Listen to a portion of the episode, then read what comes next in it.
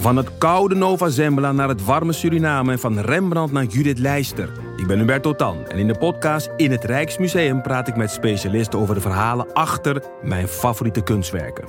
Nieuwsgierig? Beluister nu de nieuwe afleveringen.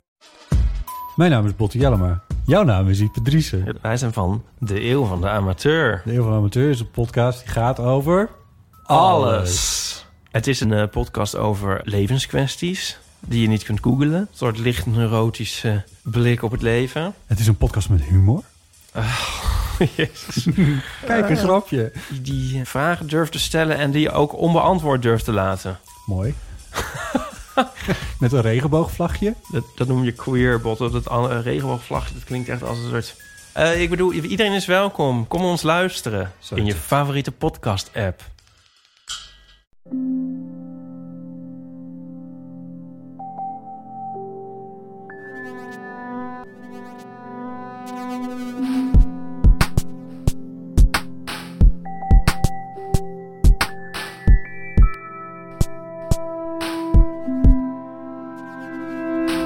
Is Relaas, waarin iemand een verhaal vertelt over iets dat hij zelf heeft meegemaakt.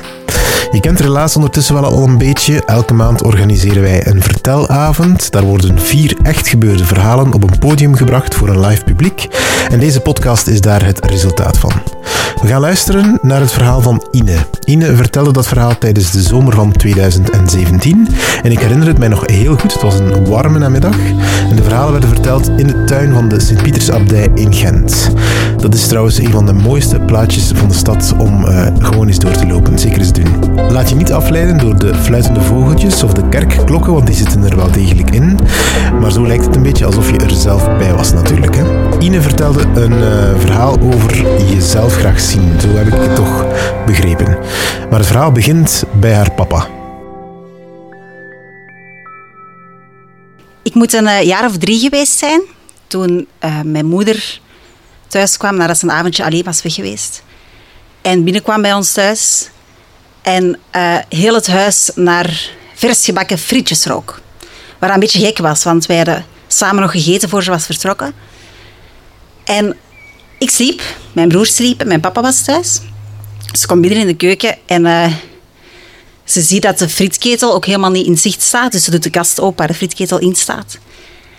En die staat daarin, maar gloeiend heet. Dus er waren duidelijk frietjes gebakken. Dus ze zegt tegen mijn papa, Dirk, heb jij frietjes gebakken? En mijn papa zegt nee.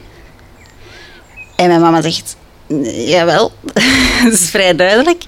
En er is ook totaal niks mis mee. Maar het zou misschien wel leuk zijn als je dat eens doet als, eh, als wij er ook zijn. Als wij samen kunnen eten. Want mijn papa deed eigenlijk heel weinig in het huishouden. En al zeker niet koken. Maar mijn papa die hield goed bij stuk dat hij geen frietjes had gebakken. En dat is sinds die avond meermaals gebeurd. Dat hij de, keren, de weinige keren dat mijn moeder eens alleen op stap was, terug thuis kwam en heel het huis naar frietjes rook. De frietketel heet in de kast stond, terwijl mijn moeder ook wel echt gezegd had daarvoor, als je dat nog eens doet, zet dan zeker die frietketel niet in de kast. En eh, mijn papa zei dat hij geen frietjes had gebakken. Dat is één van de merkwaardige dingen die dat, eh, ik later over mijn papa ben te weten gekomen. Als ik met mijn mama over mijn papa ben beginnen praten, een paar jaar geleden. En zo waren er wel meerdere. Dat was voor mijn mama niet makkelijk, maar dat was ehm, eigenlijk nog niet zo erg in vergelijking met het feit dat eigenlijk mijn papa helemaal geen verantwoordelijkheidsgevoel had over ons. Dat is erger geworden met elk kind dat geboren werd. En ehm, op een gegeven moment was dat voor mijn mama te moeilijk. Dus heeft ze besloten om te scheiden als ik een jaar of vier was. Dat was geen makkelijke beslissing, want het ging toen niet zo goed met mijn papa. Die is één keer gevallen eh, als ik nog een heel klein babytje was, met mij in zijn armen. En dat was op zich niet zo heel erg, want er was met mij niks aan de hand. Maar hij is toen beginnen manken. En van manken kwam meer manken en dan is hij op krukken beginnen lopen. Dus het was al vrij duidelijk op het moment dat mijn mama besloot om te scheiden dat daar wel echt dingen aan de hand waren. Ze waren ook al beginnen onderzoeken wat dat was. Want hij gaf ook les en viel soms gewoon in slaap terwijl hij voor de klas stond, of op zijn bureaustoel zat. En ehm, daardoor hebben ze lang gedacht dat hij MS had. Wat, het was niet het geval. Er zijn dokters uit Amerika die drietal weken hem geobserveerd hebben. en nooit een diagnose overgesteld. Uh, en dan zijn ze dus gescheiden en met mijn papa is het dan vrij snel ook wel nog meer achteruit gegaan.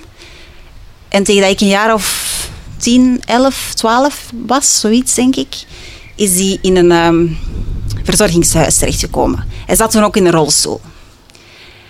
En de herinneringen die ik daaraan heb, die, uh, dat zijn vrij eenvoudig. Ik, ik zag mijn papa ontzettend graag. was een heel warme, lieve man. Die, hij praatte redelijk traag. Um, maar dat was gewoon mijn papa, zoals dat hij was. En daar zijn was niet zo makkelijk, want ik was, ja, ik was dus zo'n... Dat is vanaf mijn 10, 11, 12 jaar. En ik, wil, ik wou dan ook gewoon op een zaterdag met vriendinnen weg um, bij vriendjes gaan spelen of leuke dingen doen. En ik zat dan met mijn papa, die eigenlijk... Het is een beetje erg om te zeggen nu, maar dat was behoorlijk saai. En mijn broer ging dan buiten voetballen regelmatig. Of die keken mee naar sport met mijn papa. Maar voor mij was dat... Uh, ik kon dat ook niet zo goed. Want ik vond, als goed kind moet ik er nu helemaal zijn voor mijn papa. Want we zijn daar op bezoek en probeerde eraan een beetje te praten, maar dat was moeilijk. En ja, het, het, grootste beeld dat ik van mijn papa heb, dat is enerzijds gewoon het feit dat een ontzettend warme, zachte man was. Met veel gevoel voor humor ook. En um, ja, die ziekte, dat was iets vreemds. Want daar werd eigenlijk niet echt over gepraat. Ik vroeg daar ook niet naar. En ik denk dat ik dat ook niet echt zag. Die zat in een rolstoel en wel in een verzorgingshuis waar heel veel mensen heel ernstige dingen hadden. Maar voor mij, het enige wat dat voor mij eigenlijk betekende, was dat hij uh, heel moe was. Hij viel heel vaak wel gewoon in slaap, ook in zijn rolstoel. En ik wist dat hij heel veel cortisone moest nemen. Dus dat was voor mij mijn papa. Wat dat dan wou zeggen, die cortisone en dat moe zijn, dat was heel vaag. Totdat ik zelf um, ehm, 16 was. Want dan kwam ik op een gegeven moment op school na een paasvakantie aan de zee. En het was mooi weer geweest, maar ik was ook maar gewoon aan de Belgische kust geweest. En de mensen op school die zeiden, nee jongen, is die bruin? En zeiden, je gaan skiën? Ik zei, nee, ik was aan de zee. En keken ze zo van, nee, dat kan helemaal niet. Ze kunnen helemaal niet zo bruin aan zien. En er was ook één iemand die zei, uw oogwiets is zo geel. En die had dat eigenlijk nog al eens verteld dat jaar, maar dat was mij zo'n beetje ontgaan. Nu, ik moest die dag toevallig naar een dokter s'avonds voor iets heel onschuldigs. En ik vertelde dat. Ik zei, maar ja, er heeft iemand op school gezegd dat ik nogal geel oogwit heb. En uh, de dokter kijkt in mijn ogen, dokter is, en die zegt, hm, ja, dat ga ik even onderzoeken. Ik moest gaan liggen, begin te voelen aan mijn buik. En die zegt, ja, het staat wel allemaal heel gespannen. Ik ga bloed trekken en uh, dan belde mij morgen maar voor de resultaten en dan zien we wel wat er aan de hand is. De volgende dag belt hij, s ochtends. Ze had al gezegd dat ik zeker niet naar school moest gaan. En ze zei, uh, ik ga je doorsturen naar een leverspecialist, want uw levertesten zijn heel slecht. En dat gaat ver mijn, mijn petje te boven, dus uh, ga maar gewoon naar het ziekenhuis en daar gaan ze helpen. Dus ik kom toe in het ziekenhuis. De leverspecialist heeft er, even over gedaan, voordat hij door dat het er echt aan de hand was. Maar toen kwam hij met de diagnose auto-immune hepatitis B. Um, ik weet daar nog altijd niet zo heel veel over. ik weet dat dat wil zeggen dat mijn lever zichzelf aanvalt. Dat die stoffen van zichzelf ziet als vreemde stoffen en die afbreekt. Wat dat een beetje dom is van je lichaam om gewoon je eigen af te breken. Um, en in de praktijk betekende dat dat ik plots heel moe werd. Want ik wist niet dat er iets aan de hand was. En zo gaat het dan, denk ik. Als je mentaal weet er is iets niet oké, dan laat je lichaam dat toe. Dus ik was extreem moe. En er is ook niet echt een behandeling voor zo'n auto-immuunziektes. Um, dus ik kreeg cortisone. Want wat doet cortisone? Dat ligt alles plat. Die aanval van mijn lever, ook de goede dingen, helaas. Um, maar dat waren net de twee dingen die mij heel erg aan mijn vader deden denken. Moe zijn en cortisone nemen. Verder kon die mensen ook niet zo heel veel zeggen over die aandoening. Dat is iets dat niet erfelijk is, dat is uh, dikke pech als je dat krijgt. Voor mij voelde het eigenlijk helemaal niet zoals pech in het begin. Dat is heel gek om achteraf te zeggen, maar ik voelde mij een tijdje heel bijzonder. Ik mocht niet naar school. Um, het was net na de paasvakantie. Ik ben tot aan de zomervakantie gewoon thuis eindelijk de living niet uit geweest. Mijn mama had de zetel in het uh, salon tot um, bed uitgeklapt. En daar leefde ik eigenlijk de hele dag. Ik was vaak ook aan het slapen. Eh, er kwam heel veel bezoek. Ik kreeg heel veel brieven. Mensen waren ontzettend lief, heel veel cadeautjes. En ik moest ook mij van niks iets aantrekken. Mijn mama had sociaal verlof genomen. Die ging uh, allemaal heel uh, goed eten en zo voor mij kopen in de winkel.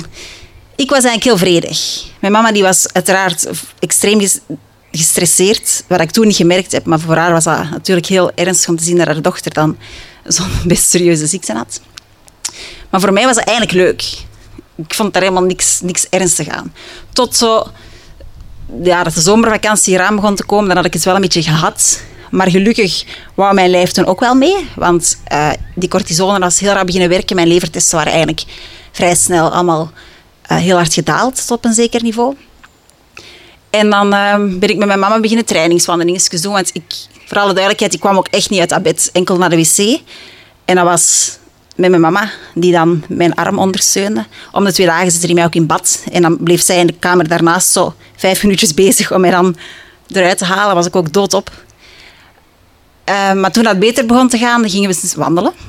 Ik denk dat het eerste plan was om naar de winkel te wandelen. Maar gelukkig was er op de hoek van onze straat een café waar ik dan kon uitrusten om dan terug te komen. Dat was al heel intens. Um, maar tegen dat zomervakantie werd, was ik eigenlijk klaar om weer echt naar buiten te gaan. Echt dingen te gaan doen. En er was een vriendin van mij die gebeld had en gezegd had... We gaan gewoon op stap. Um, samen met nog twee vriendinnen. Dus ik had daar super hard naar uitgekeken. En eind juni um, ja, was ik op een gegeven moment aan het rondwandelen in Antwerpen met die mensen. Ik was ontzettend gelukkig om terug buiten te komen. En om uh, gewone dingen te kunnen gaan doen. En uh, op een gegeven moment komt een van die drie vriendinnen, eigenlijk op dat moment mijn dichtste vriendin, naast mij gelopen. En um, schat van een mens. Ze had ook allemaal heel goede bedoelingen, maar ze zei toen iets dat, dat me heel hard geraakt had. Namelijk dat een van die andere meisjes waar zij net mee gebabbeld had, dat die tegen haar had gezegd dat als ze er zoals mij zou uitzien, dat ze echt niet buiten zou komen met zo'n opgeblazen gezicht en dat ze zich gewoon zou opsluiten thuis. En ik denk dat ik op dat moment echt ziek ben geworden. Ik heb um, opzij gekeken, was net een, een raam van een uh, huis of een etalage of zo. En ik zag plots mezelf. En ik had mij daarvoor thuis ook constant gezien, maar dat was thuis en daar werd niemand zei daar iets van. Maar een van de uh, eerste bijwerkingen van cortisone is dat je daar een heel opgeblazen gezicht van krijgt. Een volle maansgezicht noemen ze dat. En ik zag dat plots. En ik zag plots hoe vreselijk onaantrekkelijk dat ik eruit zag. En hoe heel hard niet mezelf. Ik was gewoon een totaal andere persoon. Dus ik heb heel hard op mijn tanden gebeten. Ik ben voor de rest van die avond nog meegegaan. Heel weinig gezegd, denk ik. En dan ben ik thuisgekomen, ben ik naar mijn kamer gelopen, mij bed gesmeten en heb ik gehuild. Uren aan een stuk. Totdat um, op een gegeven moment mijn mama terugkwam. Die was ook weg geweest. En die uh, komt naar boven en die ligt zich bij mij. En uh, die heeft voor het eerst, waar er nog heel veel zou gebeuren in de komende jaren, mij heel hard getroost en gezegd dat het allemaal niet uitmaakte. En dat de mensen die dat mijn echte vrienden zouden zijn, daar ook geen punt van zouden maken van het feit dat ik er dan ineens anders uitzag. Maar dat is niet wat je wilt horen als je 17 bent. Want dan wilde je gewoon... Um, ja, gek genoeg wou ik er heel gewoon uitzien op dat moment. Daarvoor wou ik altijd bijzonder zijn. En ik besefte ook op dat moment dat jongens niet van nature, bij wijze van een soort van natuurwet, verliefd worden op meisjes als ze meisjes tegenkomen. Want daarvoor had ik het idee dat dat allemaal vrij vanzelf ging. En toen kwam ik terug tussen de, de mensen en de jongens en ik was 17 en die zagen mij niet meer, zagen mij niet meer staan. Dus ik dacht, hm, er is toch iets veranderd. En het, het, was ook niet, op een gegeven moment veranderde dat ook van het, dat niks, niks meer met mooi of aantrekkelijk te maken, of onaantrekkelijk dan. Maar ik was niet mijzelf. Ik had een ander gezicht gekregen, een ander uiterlijk. Ik, um, cortison houdt gewoon op, op heel veel plekken wel vocht vast. Dus ik, ik had het idee dat mensen mij niet meer konden zien voor wie dat ik was. En dat was heel moeilijk. Ook in die periode. Ik ging daarna naar de hogeschool.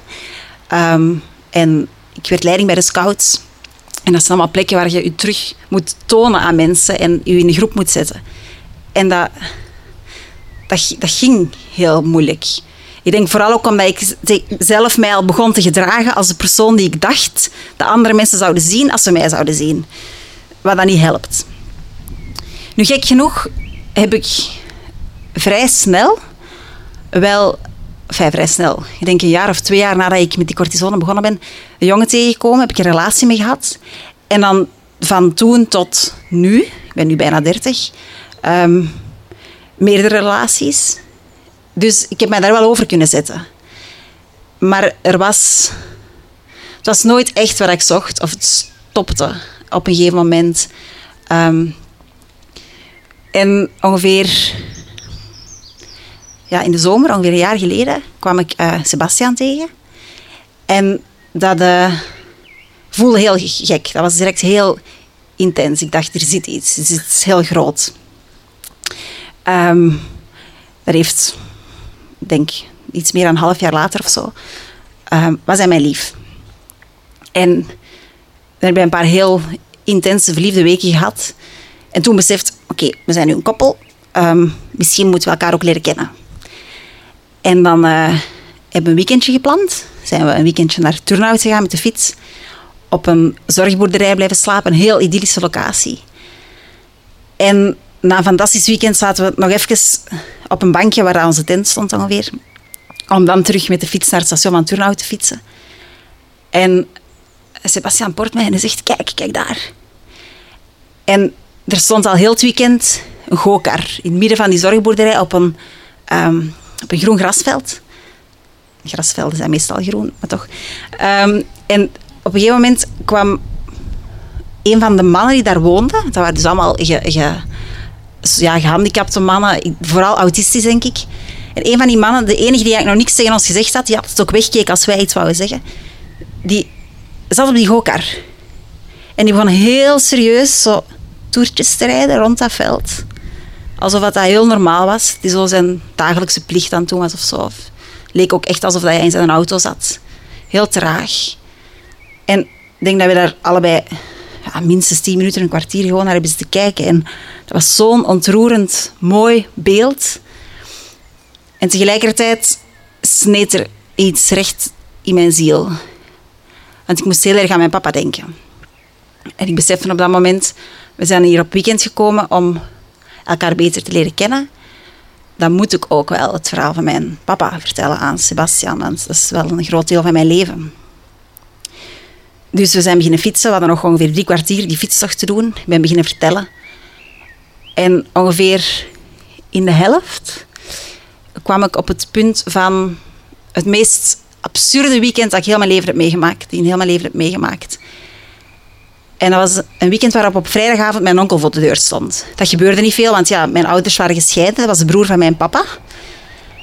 Um, een van de vele broers en zussen, want ze waren met tien thuis. En die kwam vertellen dat mijn papa in het ziekenhuis lag. En dat was allemaal heel vaag wat er aan de hand was, maar het was toch serieus. Dus um, zaterdagochtend zijn mijn broers en ik direct naar het ziekenhuis gegaan. En daar lag hij op intensieve zorgen in zo'n, ja, met een gordijn afgesloten van de rest. En ik kreeg een half verhaal mee van dat hij een opstoot had gehad van slijmen en dat dat um, heel ernstig was. En dat, dat als dat nog eens zou gebeuren, zou dat fataal zijn. En dat zou sowieso gebeuren. Maar wat het dan dagen of weken of maanden of jaren zou duren, dat wisten ze niet. En hij ging waarschijnlijk ook wel terug naar, naar Huizenwalde, het verzorgingshuis waar hij zat. Maar wanneer, dat was dan ook niet duidelijk. Um, en ik, ik durf ook geen vragen stellen. En ik dacht, wat is er aan de hand? Is dit heel serieus? Ik weet het niet. En het, um, het vervelende was ook dat dat weekend mijn stiefvader, want niet zo heel veel nadat mijn mama gescheiden is, heeft zijn nieuwe man uh, leren kennen. En die zijn getrouwd dit jaar nog. Dus uh, is nu officieel mijn stiefvader. En die deden show dat weekend. Die maakte liedjes voor kinderen vroeger. En ik deed daarmee mee. En uh, we hebben een cd opgenomen en we gingen optreden in Arenberg die zondag. Dus heel die zaterdag was repetitie, zondag optreden. En ik moest daar zijn. Dus ik, ik was daar voor mijn stiefvader, terwijl mijn vader in het ziekenhuis lag, waar hij heel gek voelde. Um, en dan die zaterdag die passeerde voor mij een, heel wazig, een heel wazige dag. En dan werd het zondag. ik denk dat ik ochtends nog even langs mijn papa ben geweest. En dan gaan optreden. En tegen het einde van het optreden gaan wij... Het was net gedaan. Wij gaan af in de coulissen. En, en voordat we opgaan om te buigen en om nog een paar nummers te zingen, trekt mijn moeder mij mee, want die stond daar achter eh, achter de gordijnen. En die zegt, Ine, we moeten nu naar het ziekenhuis. Dus wij, ik snel mij omkleden in een auto. En eh, ik weet nog dat ik in de auto heb gedacht, nu zitten wij hier in onze auto en Walter moet straks met al die spullen naar huis. Dat gaat toch niet? Dus ik was zo'n beetje weg van de wereld, denk ik. Ik wist ook helemaal niet wat er aan het gebeuren was. Ik, ik zei ook niet tegen mijn mama, ik vroeg ook niet van waarom moeten we nu, nu plots weg. En ik zal dat ergens ook wel geweten hebben waarom. En dan kwamen, kwamen we daartoe. En ehm, ik ging terug naar boven. Mijn broers zijn eigenlijk heel het weekend bij mijn papa geweest. En ehm, het was blijkbaar ineens heel slecht met hem. En op het moment dat ik daar was, werd het dan plots wel weer beter. Werd hij heel rustig, omdat zijn drie kinderen bij hem waren. En eh, op een gegeven moment komt mijn mama binnen. Want mijn tante had tegen mijn mama gezegd, Daniel, eh als je nog iets tegen Dirk wilt zeggen, is nu het moment, denk ik. En doe dat maar, want dat gaat je deugd doen. Dus we staan daar, mijn broers, mijn twee broers, mijn mama en ik, bij mijn papa. Een heel gek beeld voor mij, omdat mijn ouders gescheiden waren toen ik vier was. En die zijn niet klinkende ruzie uiteengegaan, maar hebben eigenlijk ook nooit echt meer contact gehad. En ik had zijn hand vast, denk ik. En mijn broer zat bij zijn schouders vast. En mijn mama had zijn hand vast. En eh, op een gegeven moment zegt mijn mama... Dirk, we hebben drie ontzettend, ontzettende schatten van kinderen. En ik ga er alles voor doen als ze gelukkig zijn. Als ze gelukkig gaan worden. Dat het goed met hun gaat. En ik denk... Op dat moment heb ik beseft, mijn papa gaat dood. En ik heb mij nooit zo machteloos gevoeld als toen. Want je, er ligt iemand, je hebt die vast, die leeft, die ademt. En ehm, je weet straks niet meer. En ik kan dat niet tegenhouden. Dat moet toch lukken. Je moet toch tussen het leven en de dood kunnen gaan staan of zo. En zeggen, nee, hier blijven. Maar eh, nee, dat gaat niet. En eh, dat was een heel, heel bevreemdende ervaring. Maar ook wel, het was, heel, het was eigenlijk heel rustig. En dan, omdat het met hem ook weer beter ging, zei mijn mama, s'avonds, we gaan naar huis, we komen morgen vroeg terug. Mijn oudste broer bleef daar slapen. En eh, s ochtends heel vroeg was de telefoon gegaan. Mijn mama had opgenomen, was terug gaan slapen. Ik heb niet meer geslapen, denk ik, toen. Dan, zij is dan twee uur later of zo naar boven gekomen en heeft gezegd van, ja, papa is gestorven vannacht. En ik ben net op dat punt van het verhaal ik heb dat net, mooi verteld als Sebastian en ik in Turnhout terug eh, aan het station komen. En er was een frituur. Sebastian moest nog iets eten voordat we vertrokken. En eh, we stoppen en ik wil eigenlijk binnenwandelen. Ik heb nog wat spullen vast. Hij pakt die vast en zet die neer. En hij neemt mij vast en hij zegt... Ine, ik vind u zo ontzettend mooi. En ineens schoot er een beeld in mijn hoofd dat ik jaren eh, opzij gezet heb. Ik was dat een beetje vergeten. En dat is het beeld van de dag nadat mijn papa gestorven is. En ik met mijn mama en mijn broers eh, naar het ziekenhuis terugging. En eh, mijn papa lag opgebaard daar. En mijn broers en mijn mama staan daarbij. En blijkbaar verdwijnen cortisone-effecten heel snel nadat je eh, gestorven bent. Dus mijn papa, zijn gezicht was eigenlijk ineens heel smal geworden. En ik weet nog dat mijn mama zei... Wauw, zo, rust, zo rustgevend en zo vredig. Dit is echt de man waar ik verliefd op ben geworden vroeger. En mijn broers vonden dat ook heel mooi. En al mijn tantes en onkels ook. En ik dacht, nee. Nee, dit is niet mijn papa. Dit is niet de papa die ik gehad heb. Mijn papa had die bolle kaakjes en... En ik hield daarvan. Dat was gewoon helemaal wie dat hij was. En dat, dat hoort zo te zijn. Dus ik heb dat beeld gewoon geparkeerd. En voor mij is mijn vader die, die, die man van daarvoor. En ik stond daar in Turnhout en plots viel er zo'n puzzel samen. Want ik had...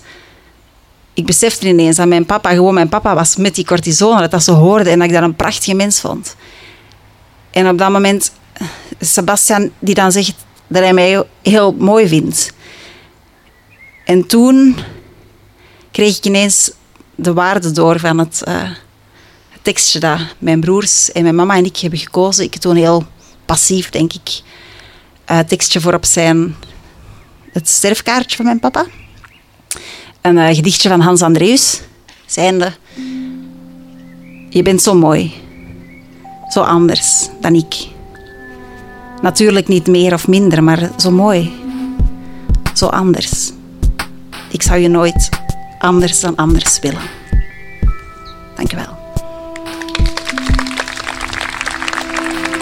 Dat was het relaas van Ine. Ze vertelde het in de tuin van de Sint-Pietersabdij in Gent. We zaten allemaal in het gras, in de boomgaard. Dat was kei gezellig. Iedereen mocht koffie en taart meebrengen, drinken meebrengen. En uh, het was een heel sfeervol gedoe. We hebben een aantal foto's daarvan online gezet. Uh, als je surft naar www.relaas.be en dan doorklikt naar het verhaal van Ine, dan zie je hoe we daar allemaal zaten in de tuin van de Sint-Pietersabdij. Mochten die foto's jou zin geven om ook eens een verhaal te vertellen, of heb je gewoon een verhaal dat je wilt delen met de mensheid, dan kan je dat altijd laten weten aan ons. Um, je hoeft het niet per se uh, neer te schrijven, je kan het ook gewoon tegen ons vertellen. Je geeft ons een paar tips via onze website www.relaas.be en dan contacteren wij jou. Het is zo, als je met een verhaal zit, dan hoef je dat niet per se al goed te kunnen vertellen. Wij wijzen jou een coach toe, iemand van het Relaas team, en zij gaan jou helpen om dat verhaal stuk voor stuk op een goede manier te brengen. Ze begeleiden jou tot je klaar bent om dat verhaal op een podium te brengen. Je staat er dus helemaal niet alleen voor. Relaas komt tot stand met de hulp van de stad Gent, die nog altijd trouw in ons gelooft. Dank daarvoor. En we hebben ook een aantal partners: Urgent FM, Huset, De Hopzak, Quindo en Rek. Uh, we zitten tegenwoordig met onze verhalen in Gent en in Antwerpen. Dat is belangrijk om te weten, dus je kan ook in Antwerpen naar onze vertelavond gaan luisteren. Kaartjes voor onze volgende vertelavond vind je op onze website www.relaas.be. Daar staan de nieuwe avonden aangekondigd. En ik bedank nog het hele Relaas-team. Timon van de Voorde, Dieter van Huffel, Ruby Bernabeu Plaus, Anneleen Schelstraat, Sarah Latré, Stefan Gruijaert, Philip Cox, Marleen Michels, Charlotte Huigen, Evert Saver, Katlijn de Vries, Anne van den Nabelen, Evita Nocent, Sarah de Moor, Steve Konaar, Wouter Dupré en Egwin Gontier en ikzelf ben Pieter Blomme. Als je nog meer verhalen wil, dan kan je gewoon surfen naar onze website www.relaas.be. Daar vind je al onze verhalen verzameld. En doe ons een plezier, stuur één van die verhalen eens door naar de persoon waarvan je denkt van daar ga ik hem of haar nu eens een plezier mee doen. Zie. En dan doe je ons ook een plezier, want op die manier hebben wij weer een fan bij. Dankjewel om te luisteren en tot een volgend relaas.